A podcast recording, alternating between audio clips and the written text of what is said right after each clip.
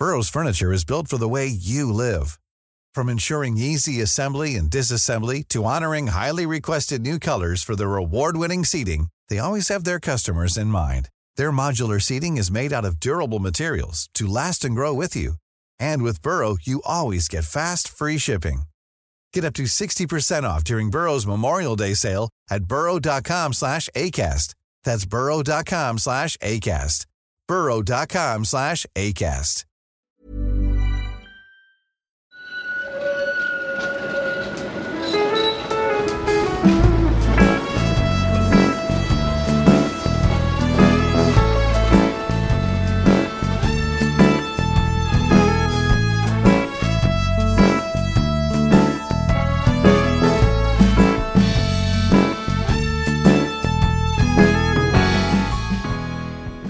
Välkommen till podden Gator och torg i Göteborg som görs av din egen lokaltidning Göteborg Direkt. Mitt namn är Kai Martin och jag är nöjesreporter på tidningen. Och med mig har jag då Mattias Axelsson som är Göteborg Direkts Göteborgskännare, historielärare och krönikör på tidningen. Vi sitter på Kronhuscaféet heter det va? Ja, Café Kronhuset. Eh, Café Kronhuset, bättre. Yes. Och eh, vi är då i väldigt anrika lokaler och utanför så tornar ett magnifik, magnifik tegelbyggnad upp som heter Kronhuset. Och det här är ju spännande för det påstås vara då Göteborgs äldsta byggnad. Men är det verkligen så? Ja, det beror ju som så mycket annat lite beroende på hur man definierar saker och ting. För ska vi titta på äldsta byggnader i Göteborgsområdet överhuvudtaget så är det såklart att vi har en hel del medeltida kyrkor i det som idag är Göteborgs stad. Vi har kyrkor i Angered och vi har Örgryte gamla kyrka och vi har Torslanda kyrka som alla är medeltida eller åtminstone betydligt äldre än vad kronhuset är. Om man letar sig innanför vallgraven i det som ursprungligen är Göteborg och bortser från, från kyrkor och liknande så är kronhuset, alltså den pampiga tegelbyggnad i sex våningar som vi har precis här utanför Café Kronhuset, en av två byggnader som tävlar om att vara den äldsta byggnaden Vad i Göteborg. spännande. Hur tävlar man i, i våra äldst byggnad? För jag har hört att residenset eh, har, har eh, ungefär samma ålder som, som, som Kronhuset. Ja, Stämmer det? residenset som ligger ett stenkast härifrån, alltså på andra sidan Stora Hamnkanalen i närheten av Lilla torget där vi befann oss ganska nära när vi poddade förra gången, när vi poddade om Magasinsgatan, eller det som kallas för Torstenssonska palatset också. Men de här två byggnaderna då, Torstenssonska palatset eller residenset och Kronhuset tävlar då om att vara den äldsta byggnaden. Och det beror på om man räknar den byggnad som började byggas först eller den som blev färdig först. För Kronhuset är den äldsta byggnaden om man räknar den som började först byggas. För Kronhuset började byggas 1642-43, men blev inte klart förrän 1654. Medan då residenset började byggas 1648 och blir klart redan 1650. Så residentet är äldst om man räknar till vilken byggnad som är klar först, men kronhuset är äldst om du räknar vilken byggnad som började byggas först. Intressant. Kivas de om det byggnaderna emellan? Vi får väl fråga kronhuset och residenset och se. Nej, men det, det är i alla fall åtminstone så att det är en av Göteborgs absolut äldsta byggnader som vi har här utanför oss. Däremot det, den byggnaden vi befinner oss nu, alltså Café Kronhuset som ligger precis i hörnet Postgatan, Nedre Kvarnbergsgatan. Den är ju betydligt yngre. Den är ju från 1700-talet och tittar man på inredningen här i, inne på Café Kronhuset så finns det ju inga detaljer kvar ifrån 1700-talet utan den här byggnaden genomför, här genomförde man en omfattande renovering på 1970-talet. Så tittar vi runt här, även om det kanske ser lite gammaldags ut så finns det inga originaldetaljer kvar från 1700-talet i Café Kronhuset. Och dateringen av kronhusbodarna då som ligger kring här med, med, med hantverkare etc. Det är också daterat 1700-tal. Ja, jag tänker att vi ska komma till de här byggnaderna som ligger runt kronhuset. Men vi har i princip allting som är byggt i kron, alltså på kronhusområdet, förutom själva kronhuset, är ju från 1700-talet. Eh, det, de den äldre bebyggelsen som fanns runt Kronhuset försvann ju i en av de stora stadsbränder som vi hade i Göteborg på 1700-talet. Och om vi sedan tittar på byggnaderna som ligger runt omkring Kronhusområdet så finns det ju i princip inga äldre byggnader. Jag tror att den äldsta byggnaden vi har runt Kronhusområdet är den som ligger i hörnet Smedjegatan, Kronhusgatan, alltså där ölrepubliken ligger. Den är från slutet på 1800-talet. I övrigt så är alla byggnader från antingen 1900-talet eller till och med från 2000-talet har vi en del byggnader i norra delen av Kronhusområdet. Men det är kronhuset vi siktar in oss på då, denna magnifika, oerhört vackra byggnader med, med koppardörrar eh, och, och kopparfönsterluckor. Eh, Hur kommer det sig att, att den här byggnaden har klarat sig genom alla dessa år och framförallt alla dessa stadsbränder som har varit? Ja, den ligger ju lite grann i utkanten av Göteborg som stad. Och dessutom så är det ju inte en träbyggnad, för mycket av det som byggdes i Göteborg under 1600-talet, det var ju byggt i trä. Och det är ju det som gör att mycket av det också försvann i samband med de olika bränderna. Vi hade ju Magasinsgatan, området däromkring, som, där i princip allting brändes ner under 1800-talets början. Medan inne här i den delen som du kallar för Västra Nordstan i samband med branden i mitten på 1700-talet. Så jag tror att det är närmare 200 byggnader som brinner ner. Däremot Kronhuset då, som ligger dels i utkanten av stan mot Kvarnbergets södra kant. I alla dessutom... fall gamla stan får vi säga, för just nu så ligger den extremt centralt. jo, och där ska man, jag tänker att man måste komma ihåg det här, alltså när man tänker Göteborg så som Göteborg var under 1600 och 1700-talet, så Visst, allting innanför vallgraven är ju någonstans i någon, eller innanför murarna är ju i någon mening centrala Göteborg. Men till exempel Magasinsgatan där vi var för ett par veckor sedan, det var ju också ytterkanten av eh, Göteborg. Och centrala Göteborg då när det byggs, det är ju Kungsgatan som är de absolut mest centrala delarna. Det är därför man bygger domkyrkan i anslutning till Kungsgatan. Det är det som är den centrala delen, medan det här är då ytterkanten. Det kan låta lite konstigt att säga att vi är liksom... För det handlar ju bara om några hundra meter öster, väster, norr, söder liksom. Precis så. Ja men spännande. Men kronhuset eh, anar man ju på namnet då att det hade med kronan att göra. Men vad var syftet med byggnaden? Varför restes den? Alltså kronhuset, det hör man ju som sagt på namnet att det är kronans hus, det vill säga det tillhör staten, det tillhör kungen. Och för att förstå varför kronhuset byggs så måste man ju lite grann förstå vad Sverige är för land i mitten på 1600-talet och varför Göteborg byggs som stad i början på 1600-talet. För det här är en period som i väldigt stor utsträckning präglas av alla de krig som Sverige på olika sätt är indragna i med början någonstans på 1560-talet så har vi Nordiska sjuårskriget och sen rullade därefter på. Vi har de polska krigen, vi har Kalmarkriget, vi har 30-åriga krig. Jag skulle kunna fortsätta rabbla krig på krig på krig här. Och mellan 1620 och 1720 så brukar man räkna med att en halv miljon svenska män dör i strid eh, på olika platser runt om i Sverige och i Europa. Värre alltså, än pandemin alltså, ja, just det, pågående. Och, och framförallt så ska man ställa det i relation till hur stor befolkningen var. Man brukar räkna med att en tredjedel av alla vuxna män eh, stryker med i samband med krig under 1600-talet och början på 1700-talet. Och de föregångarna vi har haft till Göteborg, vi har varit inne och nosat på några av dem i tidigare avsnitt, men vi har ju till exempel Karl den niondes Göteborg vid Älvsborgsbrons norra brofäste, alltså vid Färjenäs. Vi har gamla Älvsborg, vi har nya Lödesö. Alla de städerna som har varit föregångare till Göteborg har ju på olika sätt antingen bränts ner eller belägrats eller plundrats under de otaliga krig som har varit under 14, 15 och tidigt 1600-tal.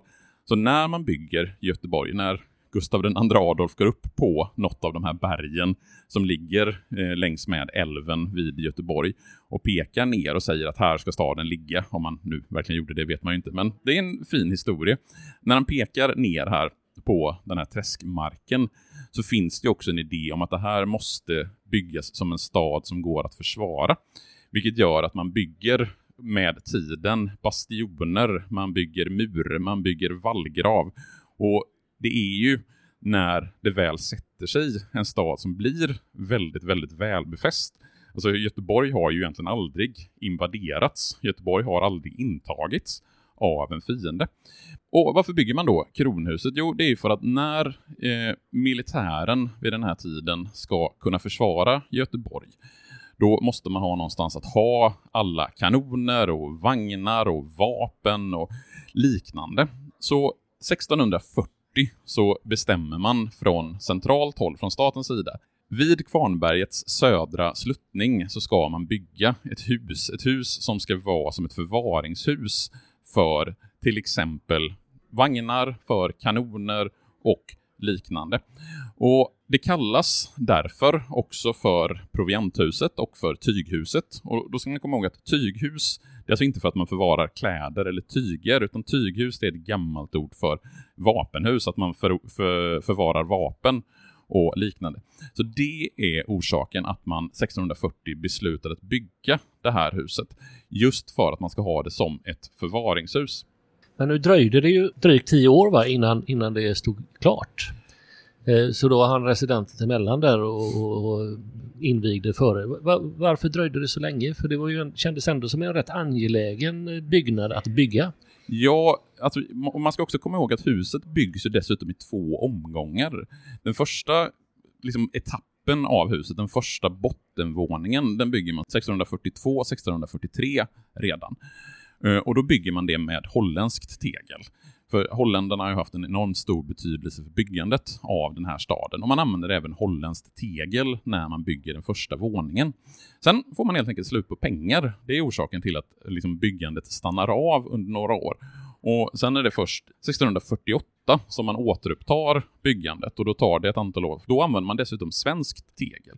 Och står man utanför Kronhuset, antingen på Kronhusgården eller på Kronhusgatan på den norra sidan, alltså utanför Kronhusområdet, så kan man med blotta ögat se vad det är det holländska teglet, alltså på den första våningen, och sen så byter det helt plötsligt tegel på den andra våningen och uppåt. Eh, så här kan man väl liksom väldigt tydligt se inslaget av att först hade vi holländskt tegel som på bottenplan och sen våningarna två och uppåt är då byggt med eh, svenskt tegel. Det ska jag gå ut och titta på efteråt. Det har jag faktiskt aldrig hört Nej, men det, innan. Det, kan, det, kan, man, det, kan, man, det kan man faktiskt se med, med blotta, med blotta ögat. Detaljer som man gillar. Men, men det fanns alltså en fungerande byggnad eh, efter några år bara då? Redan 1642-43 så hade man ju liksom den första delen av kronhuset klart. Och för att få fria ytor, för det var ju centralt just det här att man ska kunna använda det som ett förvaringsutrymme för stora saker, för kanoner och för liknande för vagnar och så. Då byggde man en väldigt eh, komplicerad hängverkskonstruktion på bottenplan och på så sätt så slapp man att ha pelare som skulle stötta upp taket. Och sen så för de, öv de övriga våningarna som sen byggs klart under eh, slutet på 1640-talet, början på 1650-talet, så har man det som förvaring till spannmål och till kläder och till liknande mindre saker. Men bottenplan, det var just det att man slapp ha pelare på bottenplan, gjorde att man kunde köra in de stora vagnarna, de stora maskinerna som då försvaret behövde att, eh, för att försvara Göteborg. Hur, hur länge eh, hade, hade byggnaden då den här funktionen? Det är inte så jättelänge som man använder kronhuset som ett förvaringsutrymme. Redan efter ett 30-tal år, 1680, så slutar det att fungera, åtminstone bottenplan slutar att fungera som förvaringsutrymme, utan blir istället församlingslokal åt garnisonskyrkan. Men då har ju 20 år tidigare någonting väldigt intressant hänt i februari 1660 som lite grann har sett, satt kronhuset på den svenska historiekartan. För vintern 1659-1660, det är en kall vinter, och den dåvarande kungen, Karl den tionde Gustav, som är kusin till den avgående drottning Kristina, hon har ju abdikerat ett par år tidigare. Gustav II Adolf är på så sätt då morbror till Karl X Gustav. Han sammankallar en riksdag här i Göteborg. Alltså riksdagen var ju ambulerande vid den här tiden. Vi hade inte en riksdagshus i Stockholm som, man, som vi har nu. Utan man åkte runt och hade riksdagar på lite olika platser. Och 1660 så sammankallade man en riksdag här i Göteborg. Och rikssal skulle då bottenplan på Kronhuset vara. Den passade alldeles ut med en stor lokal, mycket utrymme, inga pelare. Och för att man skulle kunna hålla värmen så installerade man en kamin, man klädde väggarna i svart. Och det som var tanken med den här riksdagen som man skulle hålla då i Kronhuset, det var att man skulle, kungen ville ha mer pengar till att föra krig. Vi hade ju precis varit inblandade i krig både med Danmark och med Polen och hade två år tidigare slutit den för Sverige väldigt framgångsrika freden i Roskilde, där vi bland annat, bland annat får tillbaka Bohuslän och eh, hela hissingen blir svenskt i samband med freden i Roskilde. Men den här riksdagen sammankallas då 1660 och i februari så insjuknar kungen. För i Göteborg under den här kalla vintern så går det en otäck influensa. Så kungen insjuknar i svår hosta och feber.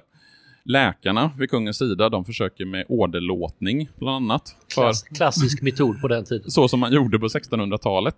Men kungens liv går inte att rädda. Så i februari 1660 så dör Karl den tionde Gustav här i Göteborg. Och då dör han faktiskt i, just på residenset som vi pratade om nyss. Det är de här två byggnaderna som ligger här bredvid varandra genom den svenska historien. Och när kungen, Karl X Gustav, är död, då stänger man stadens portar. Och det gör man för att nyheten om kungens död inte ska sippra ut innan man har hunnit bestämma vem som ska bli hans efterträdare. Vi har förvisso en arvmonarki i Sverige, men kungens son Karl, han är väldigt ung, han är bara ett par år gammal när hans pappa dör. Men ständerna de bestäm bestämmer sig för att välja och se till att Karls son Karl blir kung som Karl den elfte. Och han utropas då och hyllas som kung just i kronhuset. Så som rikssal fungerade 1660 och sen fungerade ytterligare 20 år som eh, lagerlokal bottenplanen och sen 1680 så blir det då församlingslokal för garnisonskyrkan och kommer sen fortsätta vara församlingslokal för garnison garnisonskyrkan fram till slutet på 1800 på 1900-talet. Eh, kring kronhuset så ligger ju då, då kronhusbodarna som vi var inne på och nosade lite grann tidigare. Varför byggdes de? Ja, runt kronhuset så har det ju ända sedan huset byggdes på 1640-1650-talet funnits olika typer av förrådsbyggnader och verksamhetslokaler, bostäder för de som har vaktat kronhuset, det har funnits smedjor och liknande. Men inget av de äldre husen finns ju kvar just på grund av en av de katastrofala bränder som drabbade Göteborg. För Göteborg, liksom många andra svenska städer, drabbades ju hårt av bränder på 16, 17, 1800-talet. Och 1746 så drabbades just den stadsdel vi befinner oss, nämligen Västra Nordstan, av en oerhört omfattande brand. I princip allting, åtminstone 200 byggnader brann ner i samband med den här branden. Kronhuset klarade sig tack och lov. Men bland annat Kristine kyrka, alltså tyska kyrkan, brann ner. Eh, börsen brann ner. Mycket av den bebyggelse som fanns här i Västra Nordstan före mitten på 1700-talet brann ner.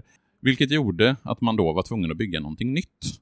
Och alla de byggnader som vi idag kallar för Kronhusbodarna och det som ligger runt omkring kronhuset, det är då från mitten på 1700-talet. En del är byggt 1750, en del är byggt i slutet på 1750-talet.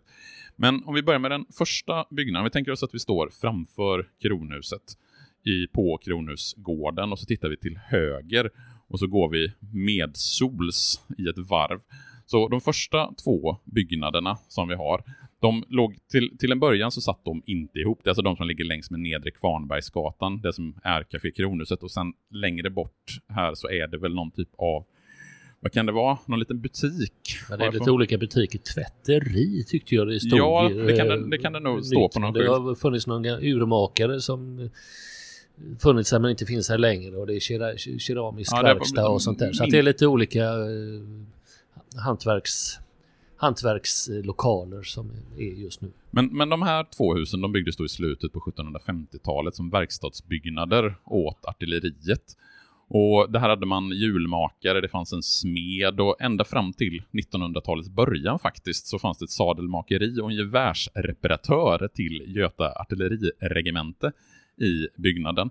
Och sen så på 1970-talet så gjorde man ganska omfattande renoveringar för de här husen stod ju och förföll under stora delar av 1900-talet. Från det att försvaret hade lämnat byggnaderna för eh, att eh, istället ta de nya byggnaderna vid Kvibergs kaserner i besittning så stod de här husen då och förföll. Och sen på 1970-talet så gjorde man en omfattande renovering både av det första huset och det huset där vi nu sitter. Vilket gör att ja, ingenting egentligen av inredningen finns kvar. Det finns en dörr i det andra huset, vet jag, eh, kvar från 1700-talet. Men i övrigt så är i princip all inredning och även exteriören är i grunden förändrad. Så man kan egentligen inte säga att det är inte så mycket som är kvar från 1700-talet i de här första två byggnaderna. Gäller samma då för de andra byggnaderna här i Kronhusbodarna? Ja, de är byggda på 1700-talet, men där har man faktiskt gått lite mer varsamt fram när man har renoverat. För om vi tar nästa hus som vi liksom går motsolt, då går vi längs med Postgatan och kommer till Postgatan 8. Och där har vi ett lite högre hus, jag tror det är ett tvåvåningshus med vind, det första gula huset som kommer. Först kommer en liten lägre byggnad som man byggde till senare. Men det här huset är också då byggt på 1750-talet. Eh, och tanken från början det var att det skulle vara ett vakthus. Att det skulle vara som en Corps de Garde, där vaktstyrkan för eh, de som vaktade kronhuset skulle vara.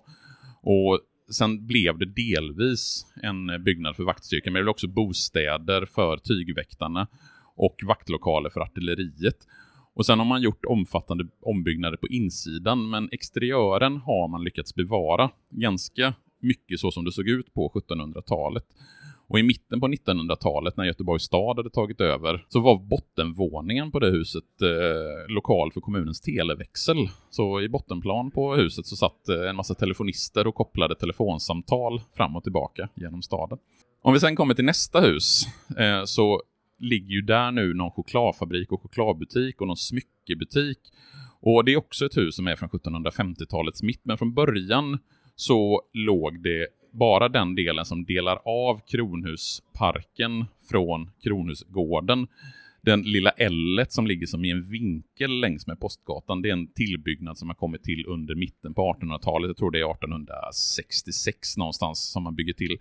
Och det här har också varit ett material ett vagnshus. Sen har man även använt det som järnvåg och spruthus, det vill säga någon typ av brandstation. Och då är vi egentligen klara med själva Kronhusgården och kommer till Kronhusparken. Som för mig som har jobbat på GTs korrektur som ju låg i anslutning till sätteriet och sätteriet låg nära redaktionen och trycksalen som fanns i GTs lokaler som fanns då på Postgatan eh, försvann i, i 1980-talets början.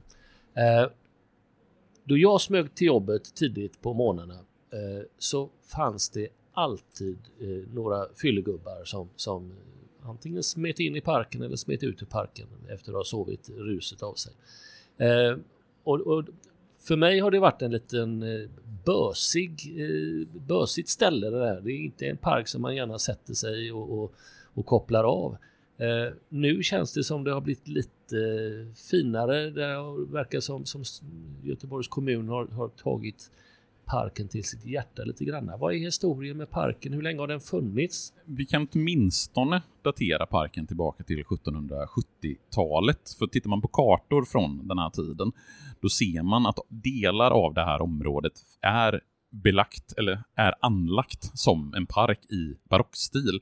Och man ska komma ihåg, det är inte så självklart att det här som vi pratar om som Kronhusområdet, det är ju egentligen två separata områden. Vi har dels Kronhusgården med Kronhuset och sen har vi Kronhusparken.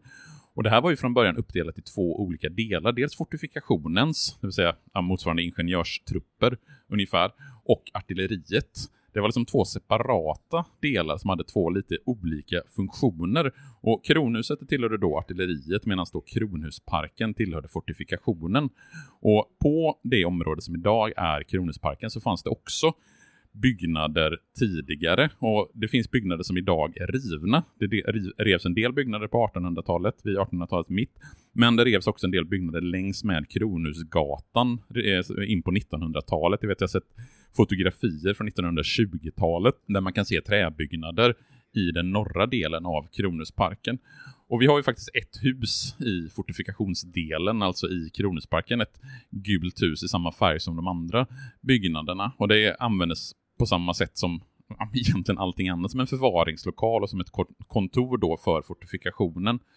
Under 1800-talet så byggde man ett trähus i mellan det här huset som ligger i Kronhusparken och det huset som ligger som ett L på Kronhusgårdarna. Det trähuset rev man och sen så byggde man den lilla muren. Det finns ju en liten mur där i, eh, vad ska man säga, Kronhusparkens sydöstra hörn, borde det väl bli ungefär om man tittar på en karta.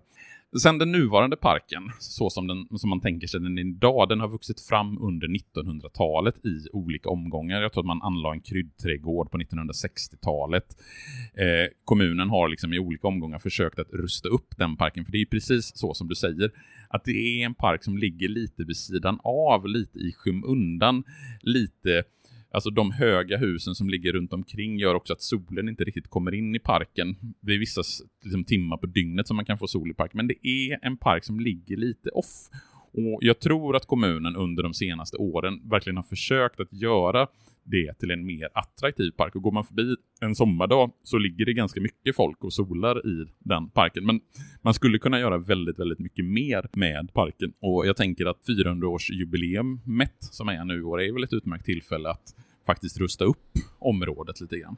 Men det har hänt en del tycker jag ändå de här sista senaste åren. Jag tycker att parken faktiskt har blivit väldigt fin. Så ja. det, det är inte så att den har fallit i träda på något sätt. Utan den, håll, den hålls efter. Men samtidigt förstår jag ju det att, att eh, kan inte de ljusskygga elementen eh, genomföra sina affärer i Brunnsparken så ligger ju kanske Kronhusparken eh, närmare till och då är det inte så kul för oss oss medborgare som inte pysslar med den verksamheten att vistas där. Men mm. det, det, är väl, det är väl värt att besöka Kronhusparken ska jag säga, för den är fin. Ja. Precis som hela det här området. Ja, och det här området lite grann, det, det som man inte heller riktigt tänker på det är ju att när militären flyttade härifrån i slutet på 1800-början på 1900-talet. Man hade ju lite verksamheter kvar även sen man flyttade till Kvibergs kaserner.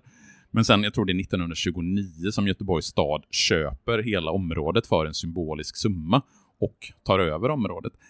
Sen under det fortsatta 1900-talet så står det här området lite grann och förfaller. Och tittar man på fotografier från, säg 1960-talet så är det ett ganska slitet område, Kronhusområdet. Men sen 1970 så gör man den här omfattande renoveringen av Kronhusbodarna, vilket gör att hela området får ett lyft. Man får det här kaféet. Jag vet inte om det är exakt samma kafé som var här redan 1971, men det fanns en typ av kaféverksamhet redan när man gör den här omfattande renoveringen. Och sen under 70, 80, 90-talet så har ju Göteborgs stad försökt att utveckla det här området men ändå bevara lite av dess unika karaktär. För det är ju en svårighet vad man ska göra med ett sånt här område som Kronhusområdet. För det är ett område med unik historia. Vi har en byggnad som är från 1640-50-talet. Vi har byggnader från 1700-talet. Det vill man givetvis inte göra så mycket med. Man kan inte liksom riva eller göra för omfattande renoveringar med det. Samtidigt så vill man att området ska vara så pass attraktivt att det drar hit människor så att det inte blir ett dött och livlöst område.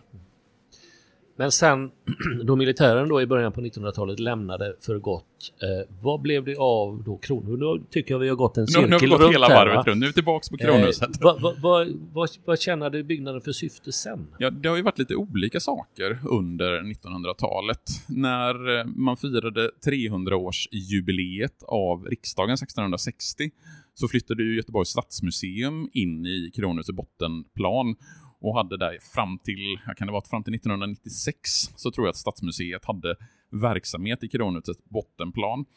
Sen vet jag att nu sedan några år tillbaka så är det väl någon orkester som har sin mm, verksamhet mm, i botten. Göteborg Wind Orchestra har ju funnits där och det är ju tyvärr en orkester lite på gungfly eh, eftersom inte kommunen riktigt förstår den verksamheten, vilket är jättesynd. De är fantastiska och har väldigt gott internationellt renommé. Ja, och de eh, tror jag ska flytta ut tyvärr från Kronhuset ja, nu i om år. Ens, om de ens kommer fortsätta sin verksamhet. Ja. Det, det, är ju lite, lite dividerande om det där.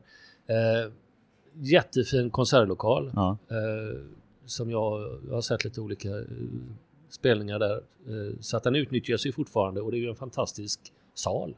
Mm. Att komma in i Kronhuset, att inte bara titta på utsidan utan komma in i Kronhuset är ju också väl värt Ja, det är ju en historisk miljö som man absolut inte ska missa om man har möjlighet att titta. Dels så ska man givetvis gå till Kronhusområdet bara för att titta på byggnaderna och kanske notera det här att det är olika tegel på den första och den andra våningen. Men har man möjlighet att gå in i Kronhuset så ska man absolut göra det också.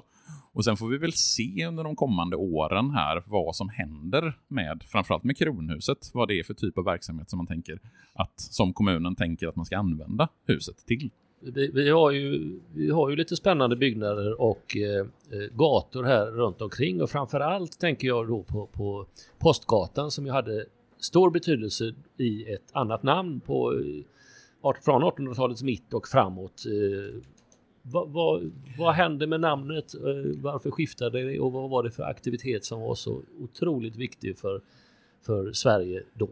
Ja, vi har ju fyra gator som går runt omkring och den som kanske är den mest betydelsefulla historiskt är, historiskt är just Postgatan som fram till mitt slutet på 1800-talet faktiskt hette Sillgatan och innan dess så hette det Herringsgatan från det tyska eller troligtvis det nederländska ordet för sill. För holländarna när de bygger stan har ju ett ganska stort inflytande även i hur man benämner gatorna. Och sen 1666 så försvenskar man namnet till Sillgatan och tyvärr så vet vi faktiskt inte exakt varför gatan har fått namnet Sillgatan. Det är lite höljt i dunkel, men man kan ju spekulera i att närheten till hamnen, som ju låg vid Packhusplatsen, eh, den fylldes igen också där i slutet på 1800-talet. Men närheten till hamnen där, nu vet jag inte om man hade någon sillexport just därifrån, men det är väl en trolig förklaring och även att holländarna hade eller har haft eller fortfarande har en stor förtjusning i just sill. Och den här gatan har ju framförallt haft betydelse som den stora emigrantgatan. För när svenskar under slutet av 1800-talet och faktiskt början på 1900-talet i miljontals flyttar från det här kalla, fattiga stenlandet till drömmarnas land på andra sidan Atlanten så sker ju färden inte sällan från Göteborg. Och många av de utvandrare som kommer från Småland och från andra delar av Sverige söker sig till Göteborg och innan man lämnar Göteborg så befinner man sig inte sällan här på Postgatan eller Sillgatan som det då heter. Det finns lite olika typer av eh, mindre hotell som man kan bo på. Det finns olika reseförmedlingar där man kan köpa biljetter och liknande för båtfärden över. Men Sillgatan är ett namn som inte klingar så vackert i Göteborgs, göteborgska borgares öron i slutet på 1800-talet. Så då lämnar man in en skrivelse om att man ska byta namn. Vi ska inte heta Sillgatan längre, utan då byter man namn till Postgatan. Och namnet Postgatan det får man ju från posthuset, som också det ligger vid, eller då låg vid Packhusplatsen. Och Postgatan gick ju då betydligt längre bort. Det gör den väl egentligen rent tekniskt fortfarande. Den går ju hela vägen bort till Nils Erikssons-terminalen genom eh, köpcenter Nordstan. Nu tänker man väl kanske inte på att vägen faktiskt fortsätter, men ja, de, de butiker som ligger inne i Nordstan längs med det här stråket har faktiskt adress Postgatan fortfarande. Men eh, nu tänker man väl snarare att Postgatan slutar i och med Östra Hamngatan. Men det var länken från centralstationen till hamnen helt enkelt. Och det var ju också så att det var ju väldigt inte väldigt många men några stycken stackare som blev rejält skinnade på vägen och blev lurade på alla sina pengar och aldrig kommit iväg, kom iväg till drömmarnas land. Ja, vi har nu gjort en rejäl vandring eh, på ett väldigt litet område eh, runt Kronhuset och Kronhusbodarna och gården och parken och Postgatan. Vi tackar för oss, Mattias Axelsson och jag, Kai Martin och på återhörande. Och glöm heller inte att läsa Göteborg Direkt eh, där jag kommer skriva en artikel om just Kronhuset. Tack och hej! Hej då!